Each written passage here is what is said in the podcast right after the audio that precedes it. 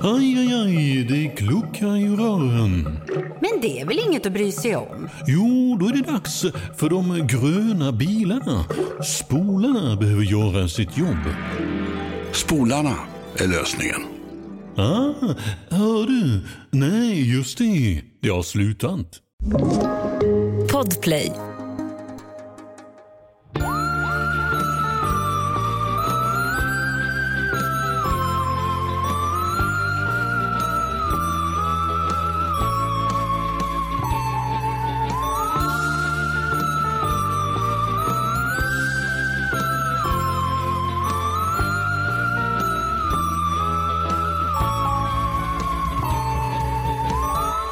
Vilken känsla. Vilken känsla. Vilken, vilken sensation. Vilken sensation. Hörlurarna funkar. Vädret är varmt. Vattnet är Det- ljummet. Vattnet är kallt. Vattnet är kallt. Eh, podden är här. Återigen, tillbaka på sitt vanliga schema. Ja, och en vecka tidigare än vad vi har sagt. Precis, så, Så- surprise! Grattis till er! Alltså, det är så sorgligt att vi tänkte att eh, i år har vi varit Koll. bättre än vad vi brukar vara på att planera. Men vi hade ändå tänkt fel. Vi hade ändå tänkt fel, men, men vi hade tänkt fel åt rätt håll. Ja. Och det får man vara nöjd med. Ja, alltid. Alltid något. Alltid något. Vi tänkte fel, men det blev bra. Det blev helt bra. Det blev Helt bra. helt jävla bra. Ja, välkomna till Mord mot mord. Ja, välkomna hit. Väl, med vår nya tagline, helt jävla bra. Mm. Mm, svag. Underbart. Ja, jag tycker den var bra. Okej, tack. Men jag, jag jobbar ju inte så mycket med ord, höll jag på att säga. Det gör jag ju faktiskt. Ehm, Det jobbar du ändå med. Mm. Det är typ ganska, ganska de, mycket. de flesta gör ändå det. på, något, på något sätt På något vis. använder man sig av ord. Um, ja, men min, Hur mår du då? Eh, jag, mår, ja, men, ja, men jag mår ju bra. Du kämpar på. Jag kämpar enkelt. på. Jag kämpar verkligen på.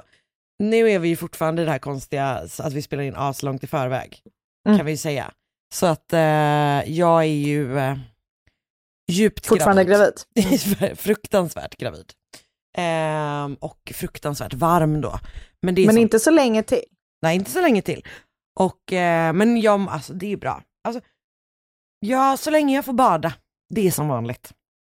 Så länge jag får bada så mår jag bra. Alltså ni borde installera ett litet, litet badkar i er lägenhet. Nu ska jag berätta för dig att jag gillar inte att bada badkar så mycket. Ja just det, det gör du inte nej. Jag gillar, Så gör inte det. alltså jag vill ju, min badkänsla är ju mer av en så, uh, Frihetskänsla. att jag, alltså min favorit Disneyfilm när jag var liten var ju Lilla Sjöjungfrun. Alltså inte för storyn utan bara för att jag gillar att bada så mycket. Havet är djupt, havet är djupt, havet djupt. Och inte heller för musiken. Inte. Det är därför jag gillar den. Nere på botten, där är det toppen, havet är djupt. Där satt den. Ja. Vänta, var det du som berättade att du hade sjungit? Inte den, utan den när hon sjunger, när hon kollar på alla sina grejer. Ja, här är en manik. Nej vänta. Vill du ha en manik? Ja. Jag har hundra. Var det du som berättade att du hade sjungit den i skolan? Nej, jag har inte sjungit den. Vem fan har jag, du? Varför går jag runt och pratar om Lilla Sjöjungfrun med folk? Uppenbarligen för att jag älskar den. Eh, den är bra. Den är, är, bra. den, är den ens bra? Ja, det tror jag. Vi har precis sett Aristocats. Den är bra. Den är bra. Men jag, Men- den är, det är nog en av de Disney-filmerna som jag sett minst Minst antal gånger. gånger. Färst Mm. gånger. Jag, jag, säger man minst antal? Man säger minst antal gånger. Minst antal gånger. Mm. Tror jag. Den Eh, jag har sett flest är The Lion King. Oh, The Lion King. We're going international. ja, men den är ju faktiskt toppen. Mm, den det får man ändå säga. Hur mår du? Jag mår bra. Vi har varit på självplock av hallon idag. Vi plockade fem kilo. Alltså det känns lite åpet nästan. Alltså, det, var så, det, var helt, det var en sån sjuk känsla. För att man får ju smaka när man går och plockar. Mm, hur mycket smakade du? Alltså jag åt så många hallon, Karin, så jag vill inte ens ha när vi hade plockat färdigt. Och ändå blev det fem kilo. Men det var- hur alltså, det många av de kilona följde med hem? Nej, alla fem följde med hem, men jag har kanske ett kilo i min mage också. det är att tänka, jag tänker dig som typ så, du vet en, en björn i blåbärsskogen. Ja, men det kändes som det. Och Sigrid, hon, alltså, hon var så lycklig. Hon åt så många hallon. Eh, och hon ville inte heller ha på slutet. Och då är, det säger mycket, för hon är eh, matglad kan man säga. Men okej, vänta. Så hon gick alltså, för du skickade en bild på, mig, till, på henne innan till mig, där hon hade på sig, vad jag skulle säga ändå i snickarbyxor. Det är snickarbyxor. Ja. Eh, gick hon alltså runt i hallonlandet med de här snickarbyxorna på sig? Ja, Alltså, fast hon satt i eh, alltså, ja, just, hon kan ju inte gå eh, vandringsryggsäck Oh my god. på ryggen. Men då så fick en av er krypa runt så hon skulle kunna plocka Nej, alltså de var, alltså plantorna var eh, manhöga. Vänta, så hon var bars runt, iförd snickarbyxor, i Mm. en sån där ryggsäck, i ett I en liksom hallonskog av- alltså. Mm. Har du bilder på det här? Ja. Kan du skicka bilder till mig tack? Det ska du få. Men, jag, men vad bra det var att hon hade på sig sin farmar-outfit. Det var lite liksom. genomtänkt. Jag förstår det. Vi Jobbar- kör ju alltid, Tema. vi följer ju alltid teman som vi, eh, Det var så som när hon var nyfödd och jag, jag hade, gjorde sån här mammaträning. Då Ah. köpte Oskar alltså Nike-outfit till henne. För att han tyckte hon skulle ha på sig det när jag tränade. Men det fick hon inte ha för det kändes för nördigt. Men också urgulligt. Ja, det är lite gulligt. Hur liten var den? Det vill säga hur, hur kort tid passade den? Hon hade den alltså typ två gånger. En Nike body, Nike strumpor och en Nike mössa. Gull! Som en riktig liten kickers bebis. och så att hon hade typ så eh, fila skor. Jo, I wish. Hon hade faktiskt kunnat få på sig sina silvriga Converse till. ah, så cool ändå. Mm. Riktigt cool. Ja. Har du, börjat, du har också börjat så noppa, noppa hennes ögonbryn och måla dit nya. Jajamän. Vi, tunna. när vi har gjort sån micro, eller vad heter det, microbleeding heter Bl- det inte. Men blading, eller? Blading heter det. Microbleeding. Eh, så hon har såna riktigt schyssta, förvånade, tunna ögonbryn. Kan vi måla ögonbryn på, Sigrid? Alltså gärna. Det skulle faktiskt vara skitkul. Jag skulle också vilja göra, någon annan gång skulle jag faktiskt också vilja göra pipskägg på henne. Det skulle också vilja vara. Gulligt. Ja. Ja. ja men bra. Då gör har, vi det. då har vi planer, Då säger vi så. då har vi, då har vi planer på gång. Ehm, hur går det med din tennis tänkte jag på? Men det går bra. Imorgon ska jag, jag är jättenervös. Gud, för, börjar ditt läger nu? nej, jag har redan gått på lägret. Va? Ja, vi har inte pratat om det. ja, Oh my god, berätta allt om ditt tennisläger. det var bra. Ja. Jag fick byta grupp För efter du var två för dagar. bra. Nej, och jag, jag höll på att tänka jättemycket så här, är det för att jag är för dålig eller är det för att jag var bättre? Ja, Och vad- jag har fortfarande inte landat i vad jag tror att det var. Okej, men vad sa jag tror att jag var sämre. Nej, de sa bara att gruppen var ojämn och frågade om jag kunde byta tid. Och sen så på dag tre, Mm. nej på dag fyra, då kom en kille från min första grupp in i min andra grupp också. Alltså, Men han var ganska bra, för först så var jag helt säker på att jag var sämre. Men han var ganska bra, så tänkte jag att vi kanske var de bästa som fick byta. jag vet inte. alltså en gissning, Ja. om man inte vet om man är bäst eller sämst, då är man sämst. Jag tror Jag också tror det. faktiskt det. Jag tror faktiskt också det. Tyvärr alltså. Du, alltså för du var inte helt dominerande helt enkelt. Nej, det var jag inte. Men vä- vänta, Absolut vad, inte. men du är ju bara en trea. Jag är, var precis, jag är tre av hundra. Så att, nej, jag var 15 av 100. 15 av 100 är jag ju Just nu. det, just det. Ja. Men och vad skulle du säga är din uppskattning av din liksom, talang nu? Eller din kunskap nu kanske? Alltså jag har inte haft lika, lika liksom, brant utvecklingskurva. Nej, den stannar ju av, Så att jag kanske är 17 nu då. 18 kanske. Men nu tycker jag dock att det är problematiskt att du från början väljer, alltså att du köper Oscars eh, skala. Du kan ju sätta dig själv högre än 15 redan från början om du vill. Nej, men jag, jag, alltså jag, Den det jag vill inte göra det. För jag vill inte att folk ska få felaktig bild av mig. Jag är skitdålig på tennis. Alltså, Det, jag är, jag är, det än- står du än ändå fast med. Ja. Men imorgon Ja. så har vi bokat en bana två timmar. Du och Oscar. Jag, Oskar och Jonas, alltså min svåger, så heter det väl, alltså min Ja, eh, Oskars systers man. Ja, Och så ska vi spela först alla tre liksom, så vi ska köra lite cirkel, fast som rundpingis. lite så. Och Jonas är eh, bra på alla sporter utan att ens ha typ ha gjort dem. Så jävla on-brand någon som heter Jonas. Ja, han är liksom typ bäst på allt. Utan Låter att inte anstränga alls sig. Men han, han är inte störig med det. Men jag skäms redan nu för att jag kommer vara så himla dålig. Hur bra är Oscar? Han är bra. Eh, men jag tror han och Jonas är ungefär lika bra, men Jonas har spelat mycket kortare än Oscar. Det är lite psykande tycker han, såklart. Just det. Mm. så imorgon kommer både jag och Oscar på dåligt humör. Jag för att jag har varit sämst och Oscar för att han har fått stryk av Jonas. Nybörjaren. Mm. Men, Men det ska ändå bli lite kul. men hur var känslan av att vara på, jag vet om att det inte var ett lägerläger, men du var ändå i en läger, alltså Jag tyckte det var jättehärligt. Alltså jag tyckte faktiskt att det var härligt. För det var, jag var, båda grupperna jag var i var jättetrevliga. just det. Först blev jag kompis med eh, en kvinna framförallt i den första gruppen och vi Mm. hade liksom lite kul. Och sen så blev jag kompis med alla i den andra gruppen. Oj. Mm. Men Vi hade alltså, jätte liksom, bra snack. gick ni liksom ut och tog ett glas efteråt? Nej, men det kändes som efter den sista lektionen kändes som att jag lämnade lite för fort. Du vet när man känner så här att man, jag trodde att Ja. alla skulle skiljas åt, så man bara hej då och så gick jag till min cykel och då var alla kvar och pratade och då kände jag, borde jag ha stannat nu? och då är det för sent. Nej, man kan Då kan man inte backa. Så att, eh, ja vi får se hur det blir nästa när, du, sommar. när du försöker glida in och föreslå en Aperol Spritz. Är det någon som, jag hade, jag hade kanske tänkt att föreslå en glass. Just det. Mm. Så att för att du inte vill verka framstå som att du drick, har ett liksom, drinking problem. Nej, jag behöver ju inte vara för Så det, öppen med det. det kan de få reda på sen. Precis, när vi går nästa säsong. Åh gud, ni är typ så, vad heter tennisklubben? Jag vet inte. Jaha, här nere. Ah, Nej, det finns ingen tennisklubb. Det här var Tennis på Österlen som hade, de har en ambulerande tennisskola under sommaren. alltså det är alltså Tennis på Österlen-gänget 2021. Mm. Inte, Precis. Det är inte toppen, vi behöver ta in någon som skriver en bättre slogan. Jag tycker också det. Det är ingen slogan heller, det är bara ett Men det var sjukt gäng. kul. Vad bra! Mm. Kul! Vad Mm. blir ditt nästa läger? Golf börjar på torsdag. på riktigt. Fem Alltså- dagar golfkurs. Vem är du? Jag vet, jag vet. Kul att du hade ett svar på nästa Jag har faktiskt läger. köpt mitt livs, eller inte mitt livs, för jag hade piké ganska ofta när jag var liten. Japp. Men jag har köpt i mitt vuxenliv mina två första pikétröjor för att Oskar sa att jag var tvungen att ha krage på banan. Vadå, är det en sån liksom, ja man måste det bara.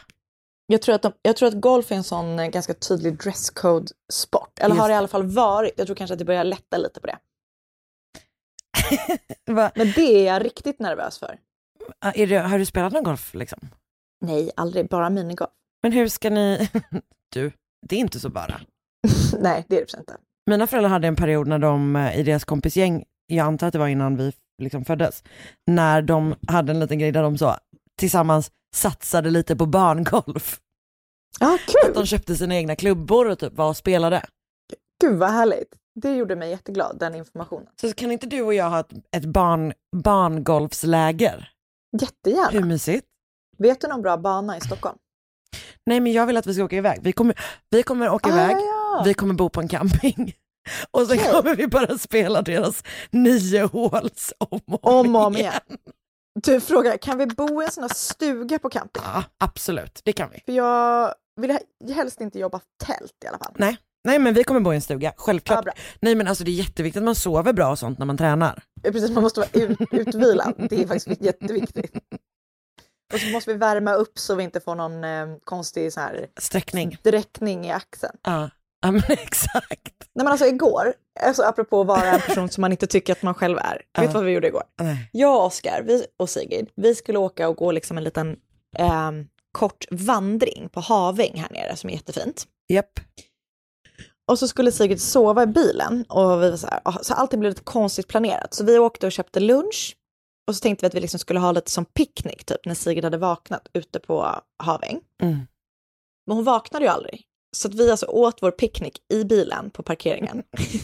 och, sen, och sen när vi ätit så satt vi först bara och lyssnade på sommarprat. Men jag var liksom, fick lite spring i benen. Ah. Så jag bara, vill du göra ett kort sån här seven minute workout eh, på parkeringen? Parkeringen. Så vi skulle göra ett ryggpass. Vi hann bara göra uppvärmningen, vilket var så att man skulle stå, alltså göra simtag ståendes. Nej. Och alltså jag skämdes så mycket när det kom in bilar så vi bara så Ja, stod rätta. bredvid varandra. Ni borde skämmas. Det Och då kände jag- vem är jag? Vem är jag? Vem har jag blivit?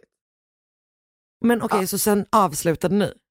För då vaknade Sigrid, så vi hann bara göra den stående stimningen. Ja, men hon vaknade väl av skam? Antagligen. Av akut skam. Riktigt pinsamt faktiskt. Men det är ju, man är ju, alltså det är någonting med en parkeringsplats med som gör att allting blir lite konstigt. Det är som när jag och Marcus typ för några somrar sedan, eh, så var vi typ nere på västkusten någonstans och sen så hade vi varit och badat typ. Och vi var, du vet så som vi alltid är när vi är på sommaren, att man alltid är på någon jävla turné, så man är alltid på väg från någons föräldrar till någons föräldrar. Och Ja. allting är alltid i bilen. Så att då var vi, så, äh, vi hade varit och badat och sen stod vi på en parkering och skulle liksom byta om inför att åka till nästa ställe. Så Mm, att vi liksom perfekt. smällde upp hela jävla resväskan på marken på parkeringen och stod där och bytte om typ. Och du vet att man bara direkt känner sig som att man bara är så här. vad är det som, Nej, nej. vad är det som händer? Bor du på parkeringen nu? Så känns det. Ja, ja det gör verkligen det. Mm. Och det gör jag ju i och för sig. Jag gjorde det nästan. Tur att vi bara hann göra uppvärmningen. Nej, jag har varit riktigt pinsam faktiskt. Som, jag har blivit eh, en förälder verkligen. Ja. En pinsam förälder. Jag ser fram emot att följa den här utvecklingen. Det ska bli spännande, jag håller helt med. Och det ska bli, det ska bli kul när du joinar mig på den pinsamma förälderresan. Ja, men jag vill bara spela eh, barngolf. Barngolf. Jag har, redan, har du märkt att jag redan har bytt eh, ord till minigolf? Nej, från minigolf. Väldigt seriöst faktiskt. Mm, mm, verkligen. Det kommer bli toppen. jag ser fram emot när vi gör om den här podden. Till Barngolfspodden. Verkligen. Bana mot bana. Riktigt svagt. Den tar vi. du, ska vi, ska vi göra Vi den här? kör igång dig. en sista gång kan vi göra den här podden innan nästa tar vid. Precis. Underbart. Ett poddtips från Podplay. I podden Något Kaiko garanterar östgötarna Brutti och jag, Davva, dig en stor dos skratt. Där följer jag pladask för köttätandet igen. Man är lite som en jävla vampyr. Man har fått lite blodsmak och då måste man ha mer. Udda spaningar, fängslande anekdoter och en och annan arg rant. Jag måste ha mitt kaffe på morgonen för annars är jag ingen trevlig människa. Då är du ingen trevlig människa, punkt. Något Kaiko, hör du på Podplay. Därför är gardinerna.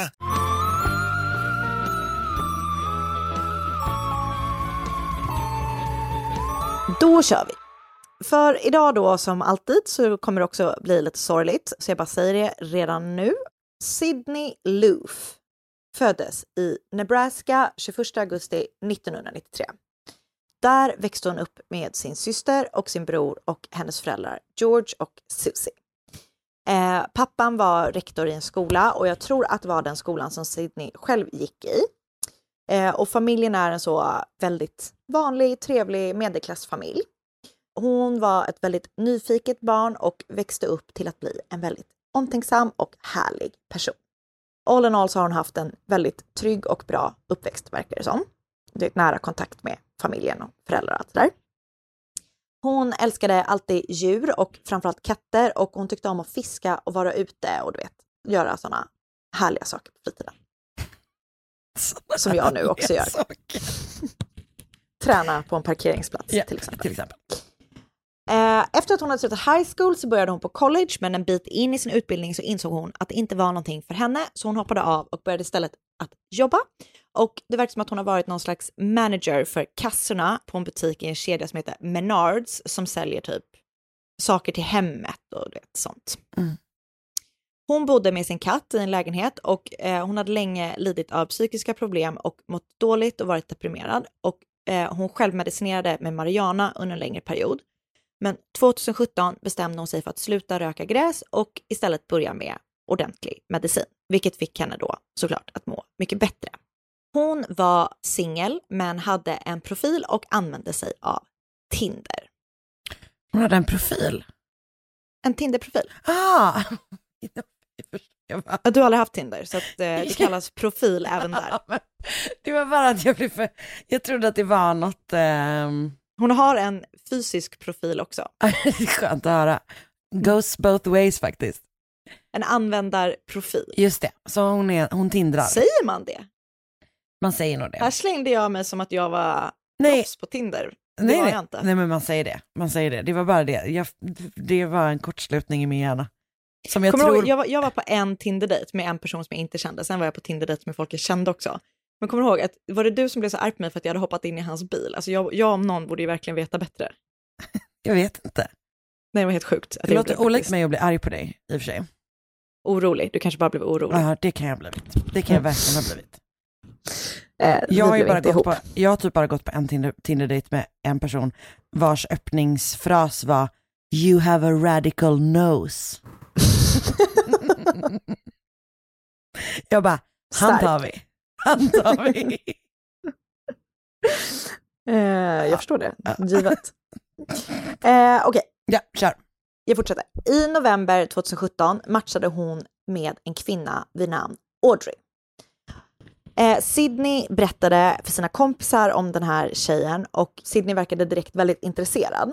Och efter att de hade varit på sin första dejt den 14 november 2017 så berättade hon eh, för sina kompisar att hon tyckte Audrey verkade vara toppen. Och hon visade bilder för sina kompisar på henne och sa att hon gärna ville träffa henne igen. Vilket hon också gjorde. Bara dagen efter de hade haft sin första dejt så träffades de igen. Oj. Och det gjorde mig, du vet den känslan när Ja. man har börjat dejta någon och bara det här är så jäkla härligt. Japp. Och så bara ses man. Eh, Ja. Så den 15 november då igen, ehm, när Sydney gör sig i ordning inför dejten efter jobbet så lägger hon upp en bild på sig själv på Snapchat där hon skriver “Getting ready for my date”.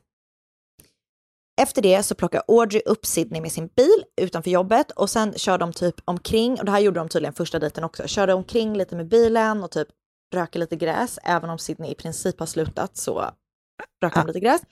Och sen så vill Sydney bli lämnad hos en av sina kompisar, så Audrey kör dit henne och sen skiljs de åt. Mm. Dagen efter dejten så dyker Sydney inte upp på sitt jobb.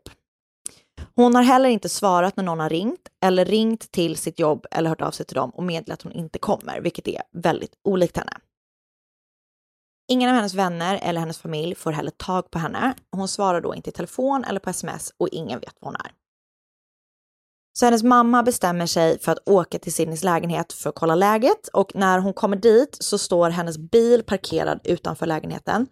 Och när de kommer in eh, så är Sydney inte hemma, men hon har liksom lämnat lampor på, eh, liksom som att du vet, som man gör typ när man ska gå hemifrån, men ändå komma hem och typ man vill ha det lite tänt hemma. Mm. Hennes handväska är kvar hemma och hennes katt har då inte fått ny mat eller nytt vatten. Och hon är ju då bara så här, okej, det är något som inte stämmer.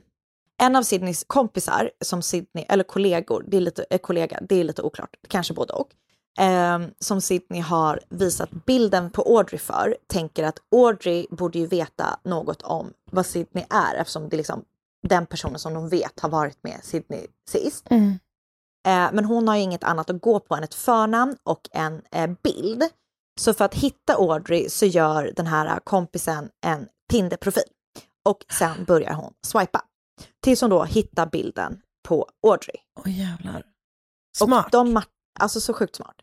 Och de, börjar, eh, de matchar och sen börjar de chatta och det blir flört, fort ganska flörtigt i chatten. Och till slut då har kompisen till Sydney fått Audreys telefonnummer. Och hon lämnar telefonnumret både till Sydneys familj och till polisen. Mm. Telefonnumret som Audrey har lämnat ut till Sydneys kompis är kopplat till en kvinna som egentligen heter Bailey Boswell och som är 21 år gammal. Eh, I samma veva som eh, polisen då liksom får tag i det här telefonnumret så har även eh, FBI blivit inkopplade i Sydneys eh, försvinnande. Och de går igenom hennes digitala spår.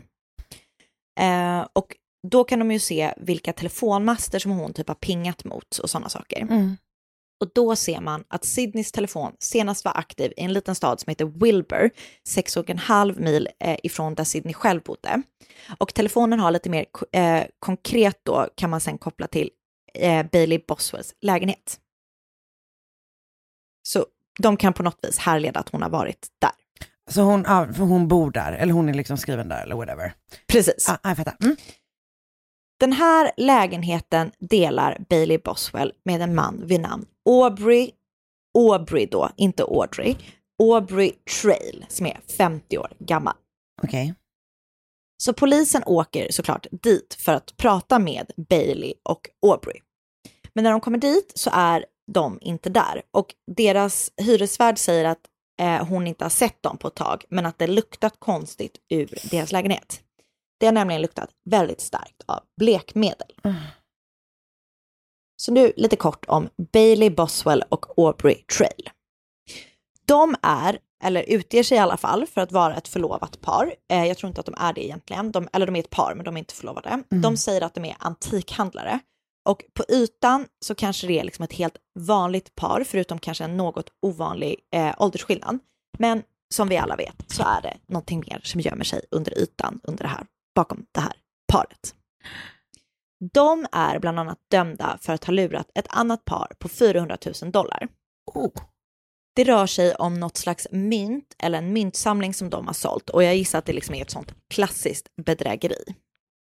Inte nog med att de är dömda bedragare, utan Aubrey utger sig också för att vara vampyr och att han kan flyga. Just Han det. säger,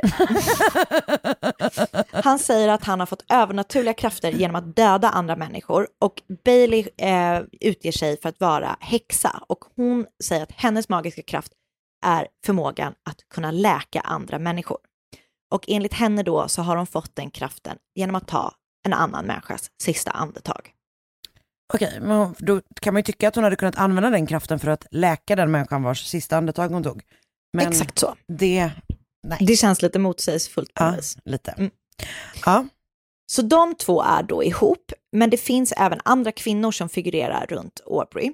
För han och Bailey lockar då till sig kvinnor genom Tinder och andra datingappar. Och Bailey är den som frontar då och matchar med de här kvinnorna under olika namn, till exempel då Audrey. Och sen går hon på dejt med dem. Och när hon väl är på dejt med dem så berättar hon om Aubrey.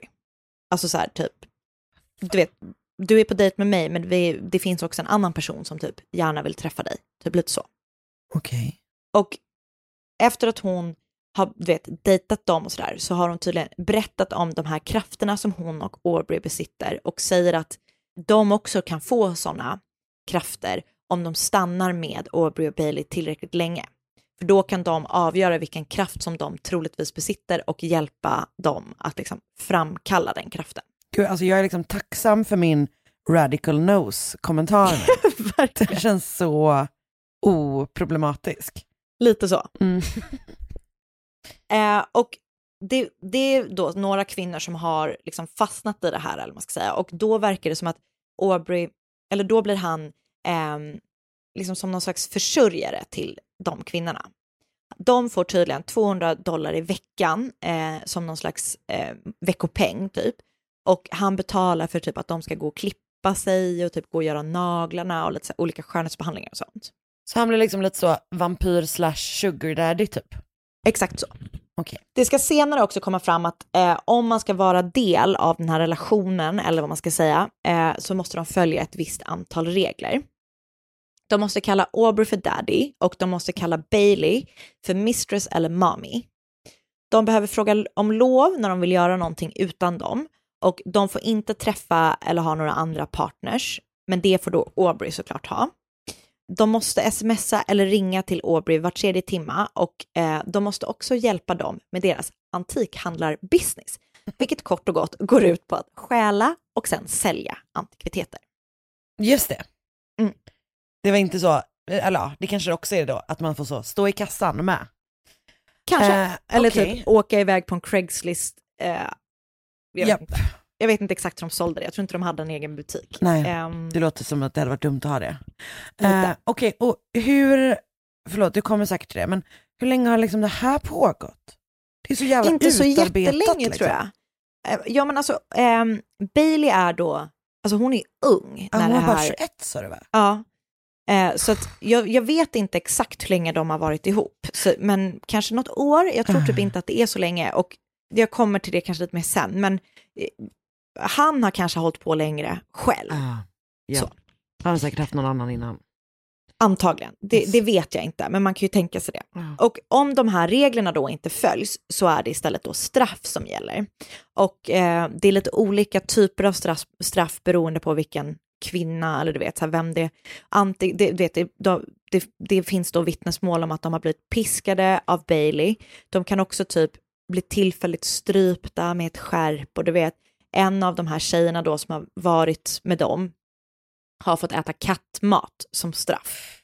Så det verkar vara ett liksom all möjlig blandad skit som de kunde typ råka ut för om de då inte följde de här eh, reglerna. Mm.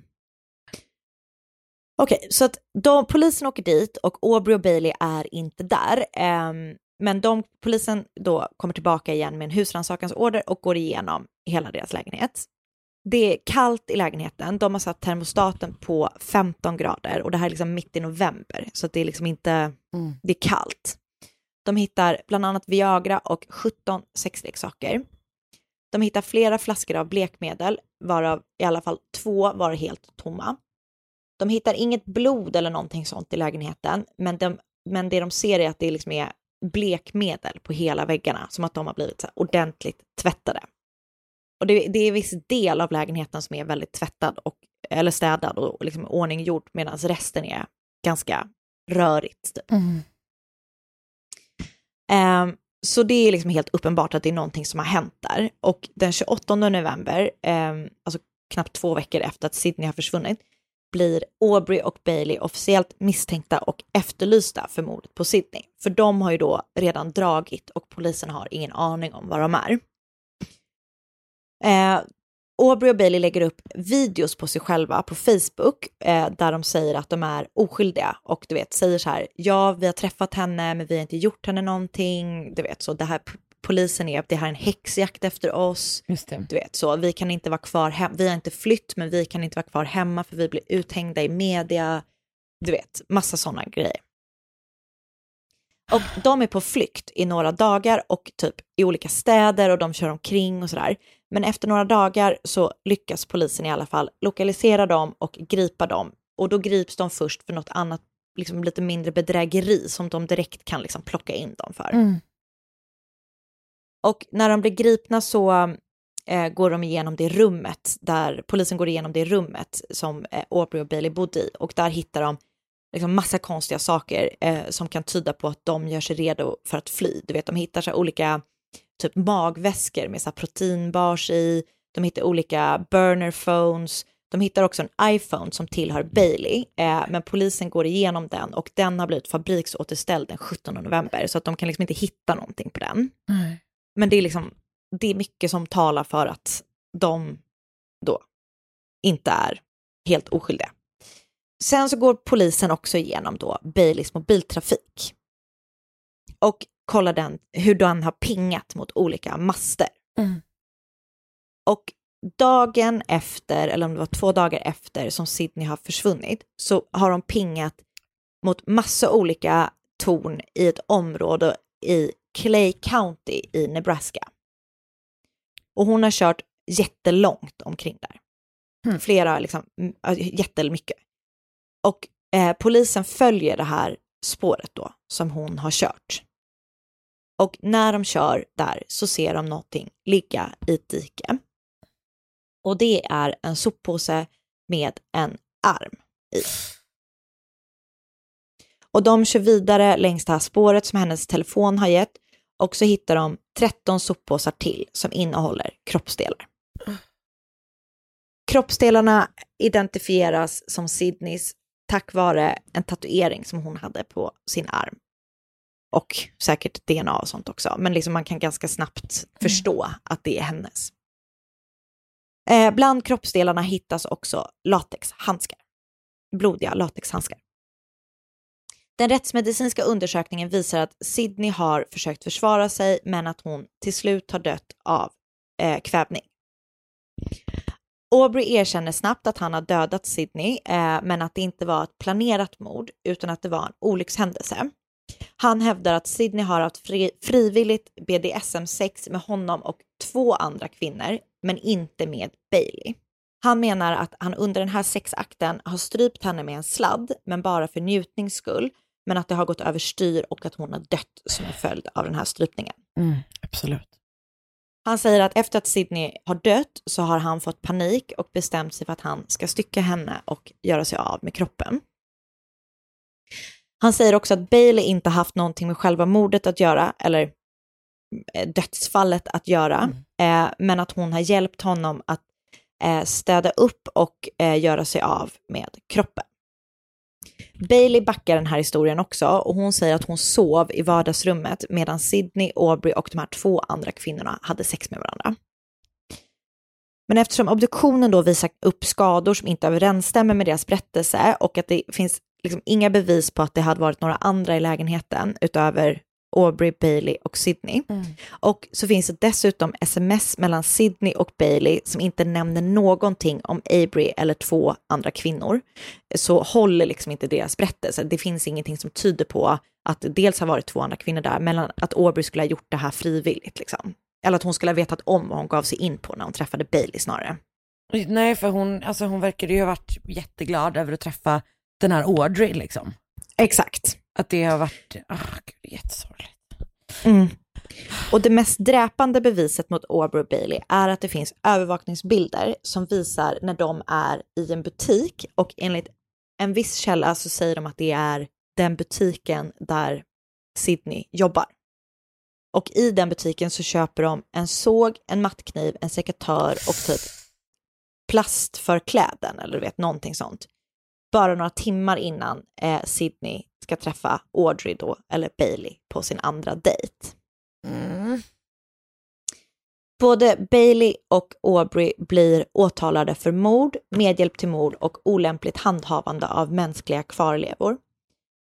Bailey erkänner sig skyldig till alla tre och Aubrey erkänner sig bara skyldig till olämpligt handhavande av mänskliga kvarlevor, vilket då gör att han riskerar eh, dödsstraff i en rättegång. Och eh, de två ställs till rätta i två separata rättegångar. Eh, men när de sitter häktade så, och väntar på rättegångarna så skickar de meddelanden till varandra. Och de är då kodade på något vis. Alltså, Polisen- hate these people. Alltså verkligen. Mm. Polisen lyckas såklart knäcka de här koderna. Såklart och de i, gör. med och i koderna, eller i meddelandet till varandra så försöker de liksom få deras historier att matcha och liksom helt och hållet. Och Aubrey trycker på vikten att ehm, eh, han vill liksom att han ska ta på sig skulden och att de ska få Bailey att framställas som ett offer också. Så han är liksom villig att ta Ah. hela skulden för Mm. hennes, eller för deras skull. Men liksom, de blir Nej. påkomna. Hans rättegång är först ut och utöver de fysiska bevisen eh, som finns så är det också då tre kvinnor som uttalar sig om deras tid med Aubrey och Bailey. Och det är också de som har berättat om de här straffen och det som jag berättade om tidigare. Ah.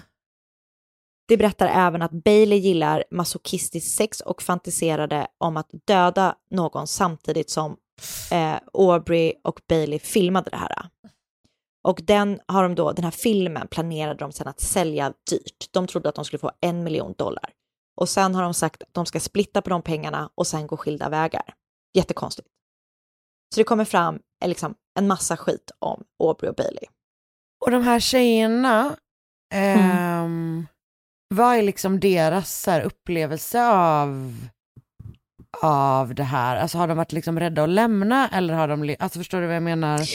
Alltså jag det, det, det framgår inte riktigt, men Nej. jag tolkar det som att de liksom har blivit lite indragna i det där, eh, så som man kan tänka sig, du vet, att de inte har kanske den bästa självkänslan Nej. på grund av olika anledningar och sen så liksom har de hamnat i det. Men det var, ingen är ju kvar i det när Nej. de träffar Sydney.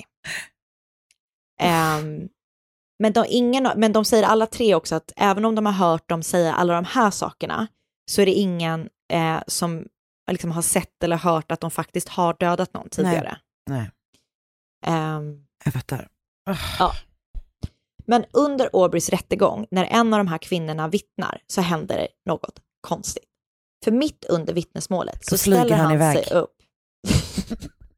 Nästan alltså.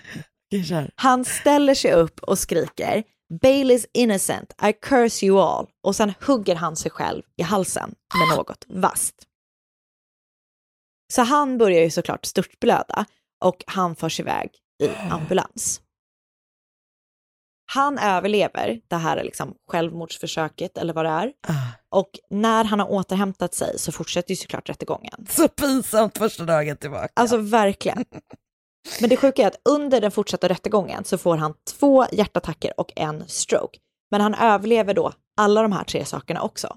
Och till slut så döms han i år, i juni i år, till döden. Oj jävlar. Mm. Okej men det måste ju vara hennes, det är hennes krafter som räddar honom från alla sina strokes. Typ. Hon bara, du ska tillbaka, du ska komma tillbaka. kom nu, kom nu, kom nu. Men okej, så han har precis fått sin dom då? Ja, Och hennes Exakt. rättegång? den började först i september 2020. Ah. Och det fanns liksom mycket mer fysiska bevis, eller liksom, du vet, alla sms, allting som, det, mot Bailey. Ja. Och hon döms på alla tre åtalspunkter. Och under påföljdsförhandlingen så menar då hennes försvar att hennes historia av både psykiska och sexuella övergrepp gjorde henne till det perfekta offret för Aubrey. Att han liksom kunde värva henne och sen typ, du vet, hjärntvätta henne eller sånt där. Ja. Och de vädjar då om att Bailey inte ska dömas eh, till döden på grund av det och tydligen så har hon också en dotter, men jag vet inte med vem, eller jag vet inte så mycket mer om när hon fick dottern. Och så. Den slutgiltiga domen har fortfarande, när vi spelar in det här, inte kommit, utan den räknas komma någon gång under augusti i år. Alltså det är liksom nu precis. Mm. Och om hon döms till döden så är hon den första kvinnan i Nebraska att dömas till döden. Jävlar. I Sydneys minne så har det upprättats liksom någon slags stiftelse som ger ut, eller det är en stiftelse som har upprättat ett stipendium i Sydney Loufs namn som delas ut till kvinnor som behöver det. Vilket är väldigt fint tycker jag. Ah. Det är så sorgligt att hon bara ville gå på dejt och så vill- var hon så glad för att hon hade träffat Ja, det är så någon. jäkla sorgligt. och var så glad för att de skulle typ träffas igen och som du säger typ att man är helt pirrig och bara Mm. åh vi ska träffas dagen efter igen. Och Mm. meanwhile så är de och typ så här planera- Förbereda hennes mord. Mm. Nej, det är så jävla sorgligt och det, är, det gör ju någonting med den just det där och det händer ju som med så Lonely Hearts Killers, alla sånt Ah. där när någon bara letar efter liksom kärlek och så utnyttjar Ah. folk det och gör någonting så jävla vidrigt. Ja, det är heartbreaking det. Och du vet så ung och du vet allting, det är så jävla sorgligt. Stackars henne och stackars hennes anhöriga. Ja, det är så otroligt hemskt. Mm. Åh gud. Så det var mordet på Sydney Loof och det kallas också för the Tinder murder, men det finns väl ett gäng sådana. Mm. Och jag har då läst en artikel som heter Woman accused of killing Tinder date got off sexually on talking about torture and murder, prosecutors claims på Oxygen, förlåt, på Oxygen skriven av Sharon Lynn Pruitt. Berätta. Igår när jag läste hennes namn så tänkte jag att hon hette Sharon Lynn Prutt. jag skrattade jättemycket. jag är så tyckte också- barnslig. Du tyckte också det var så roligt att du skrev till mig. Men för jag satt så och fnissade för mig själv så jag bara, jag måste berätta det för någon och Oskar kommer inte tycka att det här är kul. Men det var också kul för du kunde knappt, du kunde liksom knappt hålla dig nu. Pruitt. Ja, det var ändå kul. Livet. Och så har jag läst en artikel som heter The Disturbing Story of Sidney Loof's Murder and Aubrey Trails Throat Slashing på All That's Interesting, skriven av Marco, Marco Margaritov. Och så har jag läst The, The Bizarre Disappearance and Murder of Sidney Loof på medium.com, skriven av Delani R. Bartlett. Och sen har jag lyssnat på avsnitt 189 av podden Morbid. Avsnittet heter The Murder of Sidney Loof, a.k.a. The Tinder Murder. Tack. Tack, Tack för att du lyssnade. Ett poddtips från Podplay. I fallen jag aldrig glömmer djupdyker Hasse Aro i arbetet bakom några av Sveriges mest uppseendeväckande brottsutredningar. Går vi in med hemlig telefonavlyssning och, och då upplever vi att vi får en total förändring av hans beteende. Vad är det som händer nu? Vem är det som läcker? Och så säger han att jag är kriminell, jag har varit kriminell i hela mitt liv men att mörda ett barn, där går min gräns. Nya säsongen av Fallen jag aldrig glömmer på Podplay.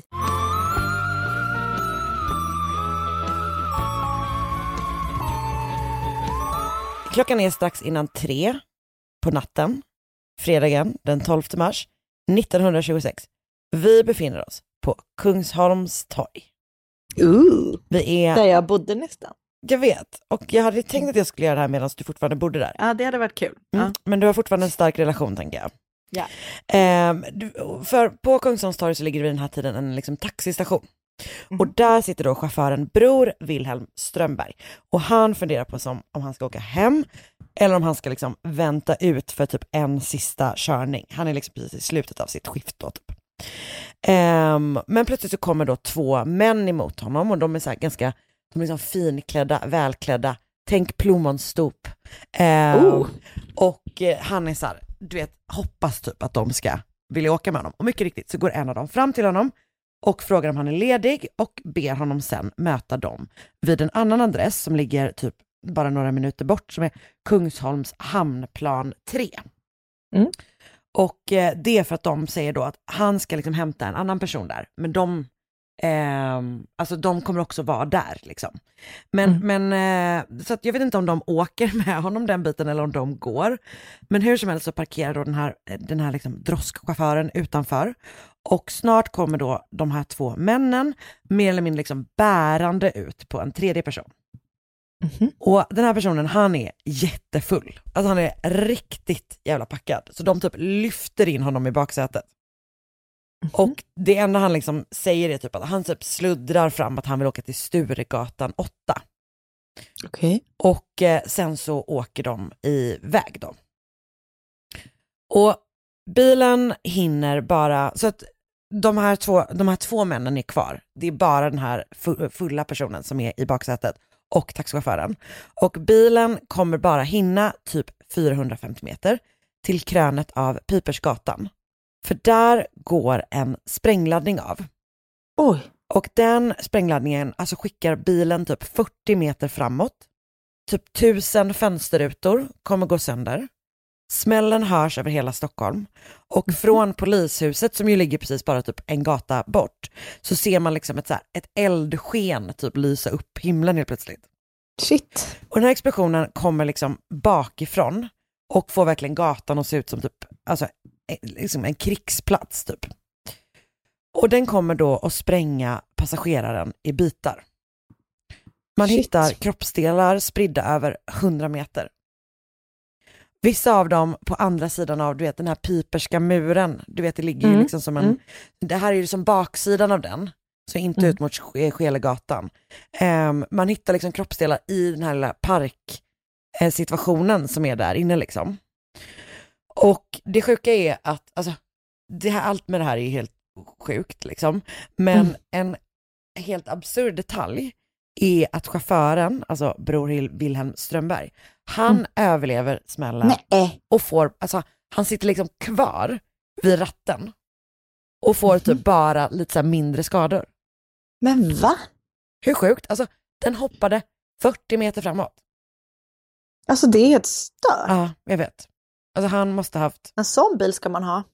det var en Buick. Ja. Love me some American cars. Verkligen. Okej, men så polisen har då, polisen kommer uppenbarligen jättesnabbt till, till platsen eftersom de jobbar exakt där och brandkåren Mm. kommer dit och sådär också. Och de kan då, trots att den här passageraren eh, verkligen har råkat ut illa ut av den här sprängningen, så kommer de snabbt kunna identifiera honom. För att de hittar visitkort på platsen. Ah, vet inte vad de var gjorda av för material. Men, men de hittade i alla fall ett, ett eh, liksom visitkort som visar att han heter då Sixten Flyborg. Och de hittar också typ så här värdepapper som visar att han har gjort någon slags ekonomisk transaktion med en annan person som heter Erik von Arbin. Och det finns en adress då på de här papperna som visar, alltså som hänger ihop med den här transaktionen. Och det är då Kungsholms hamnplan 3. Så redan liksom tidigt på morgonen har de liksom ett namn på den döde, ett första spår och en adress. Så de åker till Kungsholms hamnplan 3 och där, ja, åker, det är typ 400 meter bort, och där hittar de inte Erik von Arbin, utan i den här lokalen så ligger en tredje man och sover. Jaså? Han, Och heter, sover? Han, ligger, han ligger och sover. Han heter Alexander Kruger. Mhm. Han, kommer det visa sig, har levt ett jävla liv. Jaså? Japp. Det ska jag berätta för dig om, om, om för dig nu. Kul. Han föds 1903. Det verkar som att han föds i, att han är född i Tyskland, men att han liksom redan som ett ganska litet barn, typ, att han redan som liten flyttar till Stockholm. Och, Okej. eh, så han kommer liksom växa upp i Stockholm och han växer upp i så väldigt fina miljöer. Typ. Han, är, eh, ja, men han, han kommer från liksom överklassen, men han är en riktigt stökig kille som kommer att religeras från liksom massa skolor under sin Okej. uppväxt. Mhm. Bland annat så religeras han från Lundsberg. Mm. Och Då vet man. då vet man exakt. Han kommer senare att berätta en och annan stark historia från sitt liv. Obs! Han är själv källa till det här. Okej. Men låt oss bara köra på det, för att det, Ja. det har Det sina kul. poänger. Du kommer höra. Mm. För det är då som sagt, alltså, han är typ eh, stökig, han är jätte, jättestökig. Så hans mamma skickar honom till liksom lite olika håll. Det känns som att hon har mycket kontakter ute i världen och typ, du vet, är så här, okej men han kanske kan vara där en stund, han kanske kan vara där en stund, nu Mm. kan han vara på den skolan. Alltså så att han liksom, han, han eh, är på ganska många olika platser då under sin uppväxt. Bland annat så skickade hon honom, hon honom till Hollywood under en period. Mhm. Där blir han vän med skådisen Douglas Fairbanks. Mhm. Och han flyttar också in hos Douglas Fairbanks under någon period.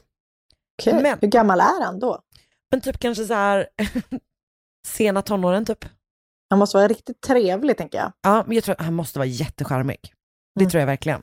Förutom att han också inte, alltså han hamnar i bråk. Och han Okej. hamnar bland annat bråk i bråk hemma hos Douglas Fairbanks. Är han en stilig person skulle du säga? Han är typ ganska stilig, ja. Mm. Eh, hemma hos Douglas Fairbanks, Douglas Fairbanks har en fest och Mm. Alexander är där. Där är också Charlie Chaplin. Han hamnar i bråk med Charlie Chaplin. Okej. Eh, han liksom, eh, för han tycker att Charlie Chaplin är tråkig. Ja, men gud. Men han, det, han nöjer sig inte med att säga det här. Utan det han gör är att han, eh, men han kommer då att slå eh, Charlie Chaplin på käften. Jaha. Och då tycker Douglas Fairbanks så här, men fan du kan ju inte hålla på och slå good old Charlie Chaplin hur som Nej. helst. Du tonåring, random från Sverige. Du får nog flytta ut från mitt hem.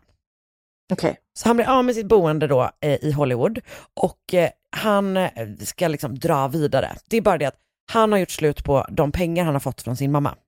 Ja. Men han lyckas ta sig till New York. Därifrån vill han åka tillbaka till Europa. Så det han gör då är att han lyckas smyga ombord på ett skepp som ska till Europa och så gömmer han sig i kolboxen på skeppet. Alltså det här låter som en sån riktig mytoman. Ah, 100 procent. Så han tillbringar två dagar i en kolbox. Perfekt. Vilket också är... Som eldas för fullt över hela Atlanten. Japp, japp. Tråkigt när man råkar liksom skyffla ut honom och slänga in istället. Men eh, eh, sidospår är ju att när min mormor kom till Sverige så Mm. skrev GP i artikeln om det, för att uppenbarligen Mm. så skrev man artiklar om att det kom typ två judiska kvinnor till Sverige. eh, då skrev de att hon eh, hade åkt i en kolbox. Mhm. Jag vet inte varför. Alltså mormor påstår att hon aldrig har sagt det här. Eh, hon. Hon hade liksom lite så agg mot GP hela sitt liv. Ehm, jag vet liksom inte om det bara var det här att de tyckte att det var konstigt att de hade så svart hår. Nej men men, hur som helst så, Alexander har i alla fall, han har eh, enligt sig själv då åkt i kolboxen. Sina, under, åtminstone under de två första dagarna av den här resan.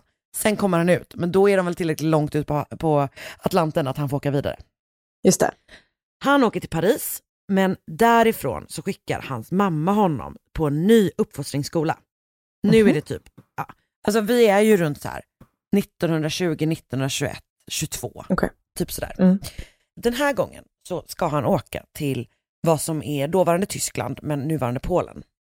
Och Mhm. där ska han eh, liksom bli omhändertagen av hans mammas vänner.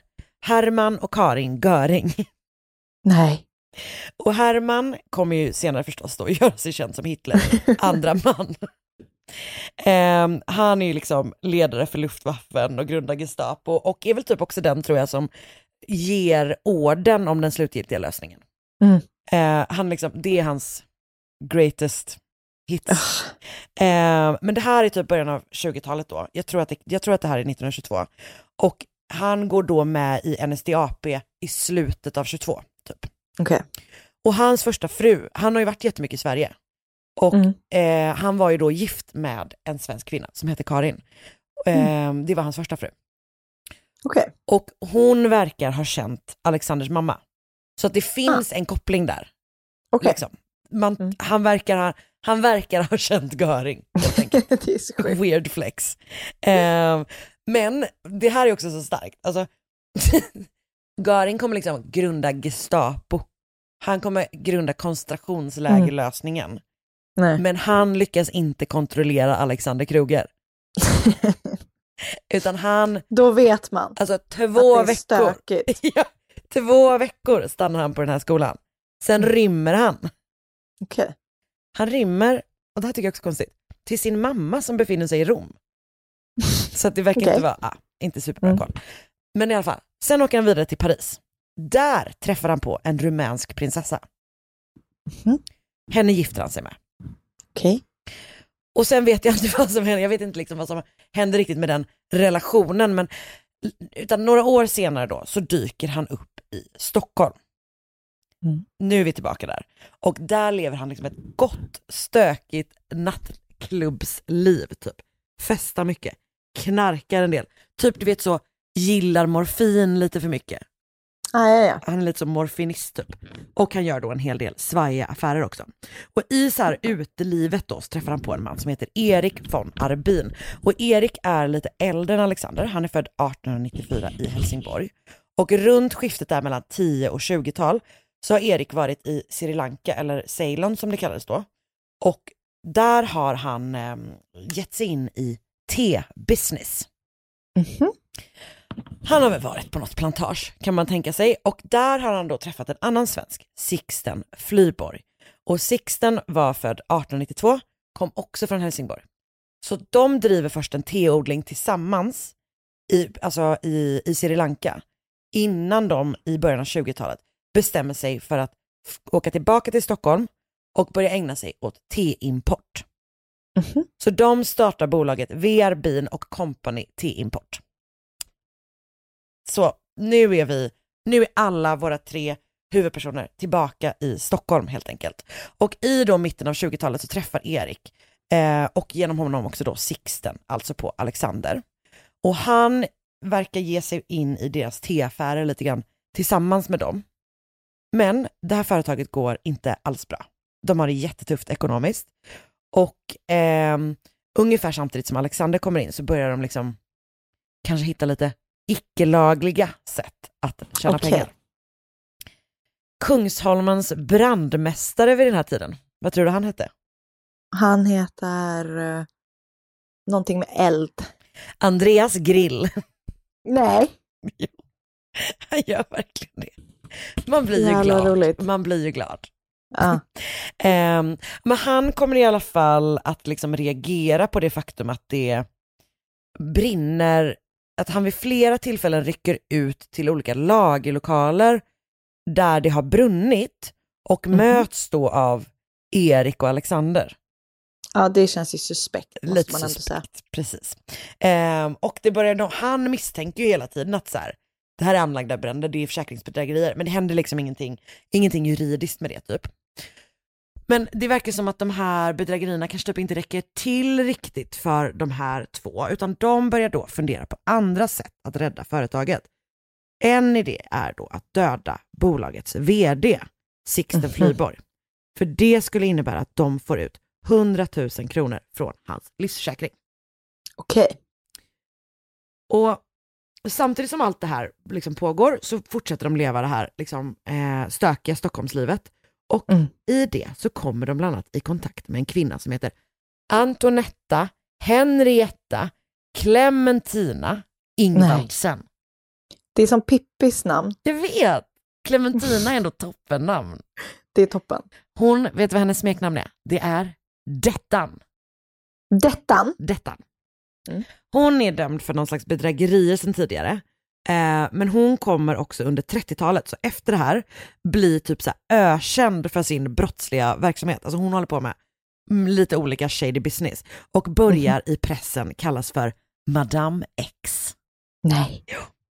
Eh, och Dettan är gift och hon har två barn med en man som heter Martin Ingvaldsen. Han, är, han beskrivs som köpman, men eh, det verkar, alltså han verkar sm- smuggla sprit. det verkar vara vad han gör. Eh, Kort och gott. Ja, och det här, är, det här är toppen. Under sommaren 1925 så är han på vad som beskrivs som en fyra månader lång jobbresa i Stockholms skärgård. Nej. Fan vad slappt. det verkar bara vara det här med spriten då. Ehm, och, alltså, han är borta i fyra månader och eh, det är också så jävla slappt att typ inte hälsa på sin familj.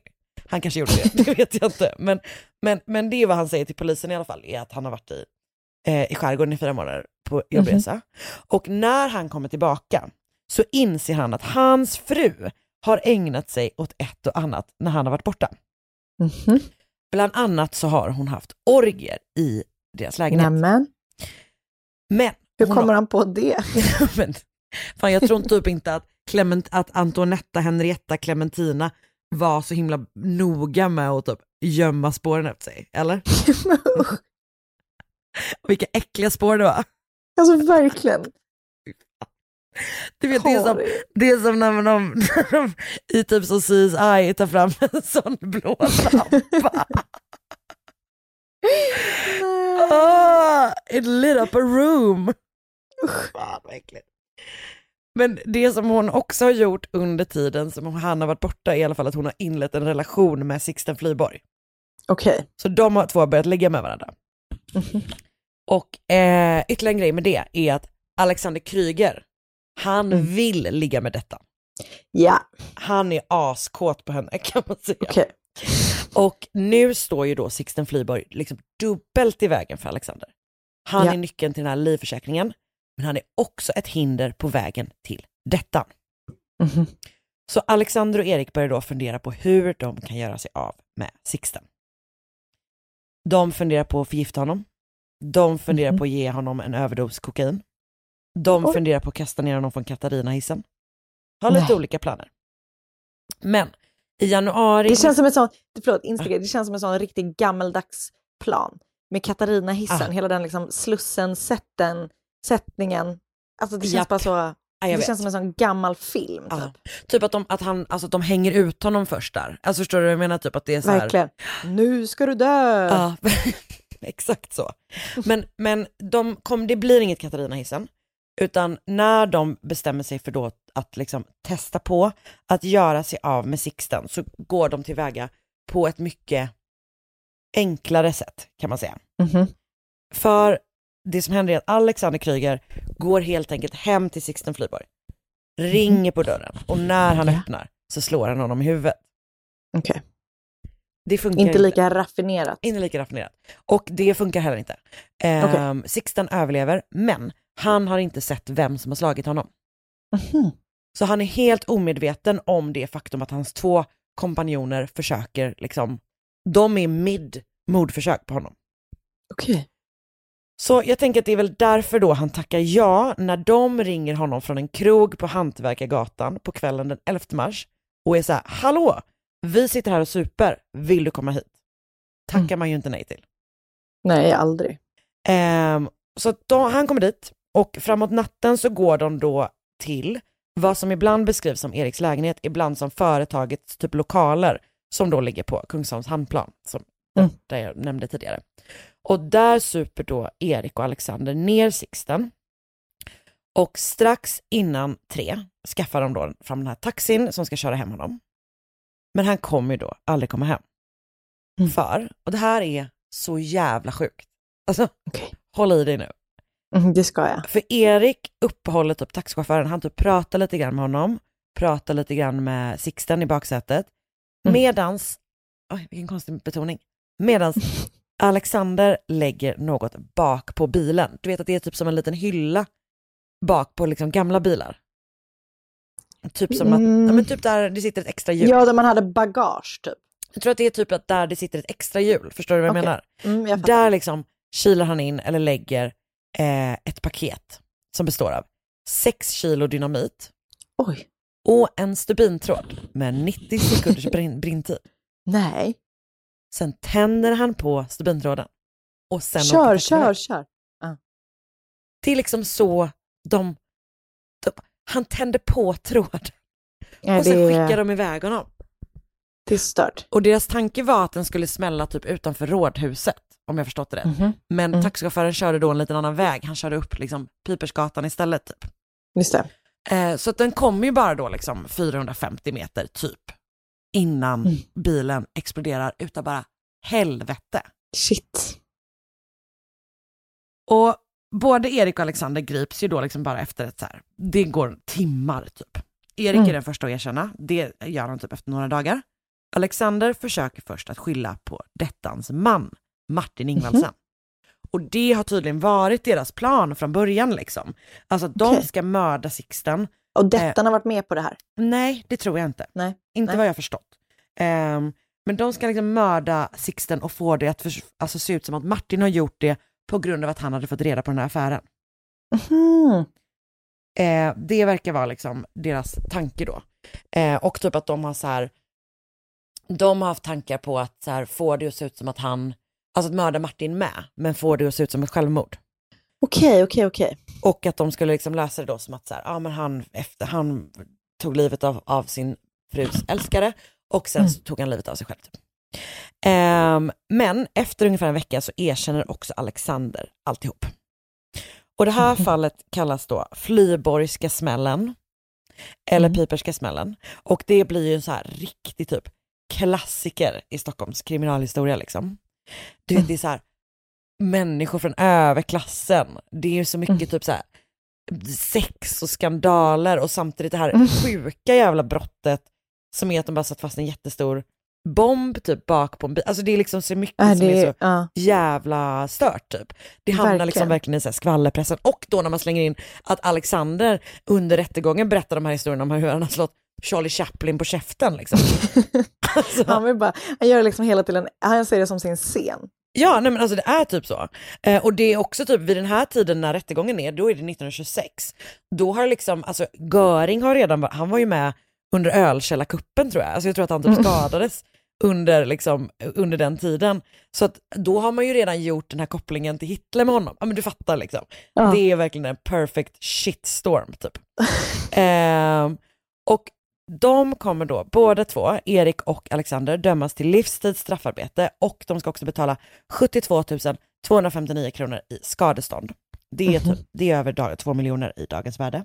Okej. Och de pengarna ska då delvis gå till den här stackars jävla taxichauffören, bror Wilhelm Strömberg. Alltså, verkligen. Som liksom eh, tydligen förstås aldrig eh, blir sig själv igen.